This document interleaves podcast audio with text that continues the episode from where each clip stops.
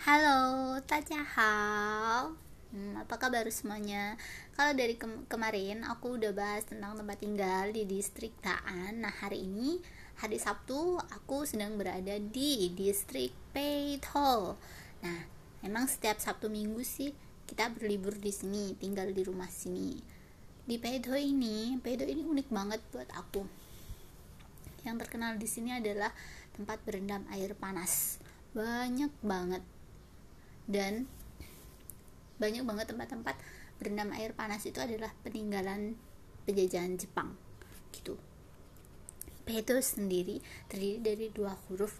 P P nya itu dari kata sama dengan Taipei nah To nya itu berasal dari To nya lepas. Jadi, dia berasal dari bahasa Ketagalan yang artinya itu sihir gitu. Emang nuansanya itu di sini tuh semacam mistis-mistis sihir-sihir gitu. Nah di sini yang paling terkenal itu paling deket banget yang kelihatan itu adalah Pedo Hot Spring Museum. Itu adalah peninggalan penjajahan Jepang. Kita bisa lihat-lihat di sana ada informasi tentang batu-batu belerang, batu-batu belerang dan lain sebagainya, banyak informasi pendidikan pengetahuan yang ada di sana. Kemudian di sini juga kita bisa melihat lebih dekat lihat dekat banget sama belerangnya itu sendiri. Ini merupakan salah satu belerang yang terkenal. Jadi dia itu warnanya hijau. Nah tempatnya namanya Thermal Valley.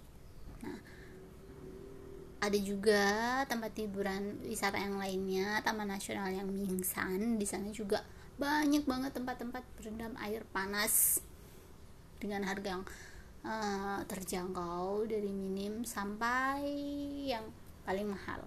Jadi kalau di Peto ini kalau pagi atau sore itu pasti kita bisa kalau jalan-jalan jalan kaki di trotoar trotoar itu kita bisa mencium aroma-aroma belerang. Karena emang pipa-pipanya pipa salurannya itu ada di bawah trotoar itu tadi gitu.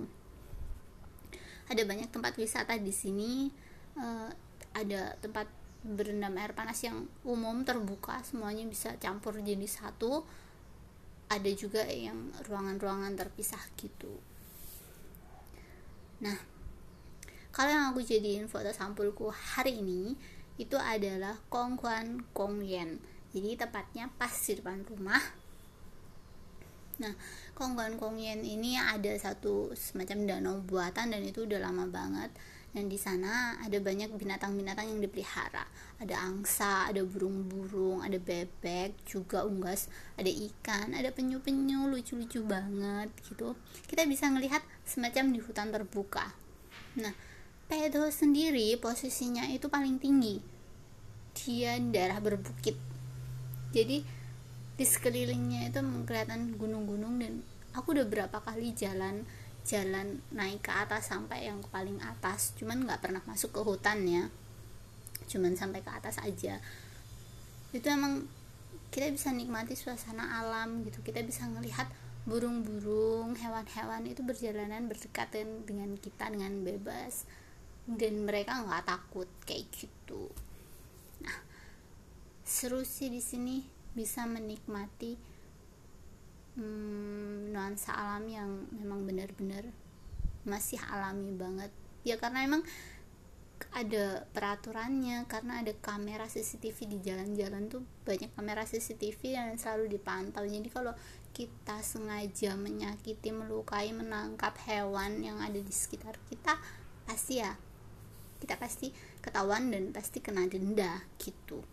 Nah mungkin itu hari ini tentang peto Sinpeito dan Kongguan Gongyan serta tempat wisata lainnya mungkin rekan-rekan kalau mau main ke Taiwan ke Taipei mungkin bisa berkunjung pengen berendam air panas bisa berkunjung ke Peito nah bisa sekalian mencari informasi peninggalan-peninggalan sejarah penjajahan Jepang di sini oke okay? uh, eh, sekian dulu dari saya sampai jumpa 下次见了拜拜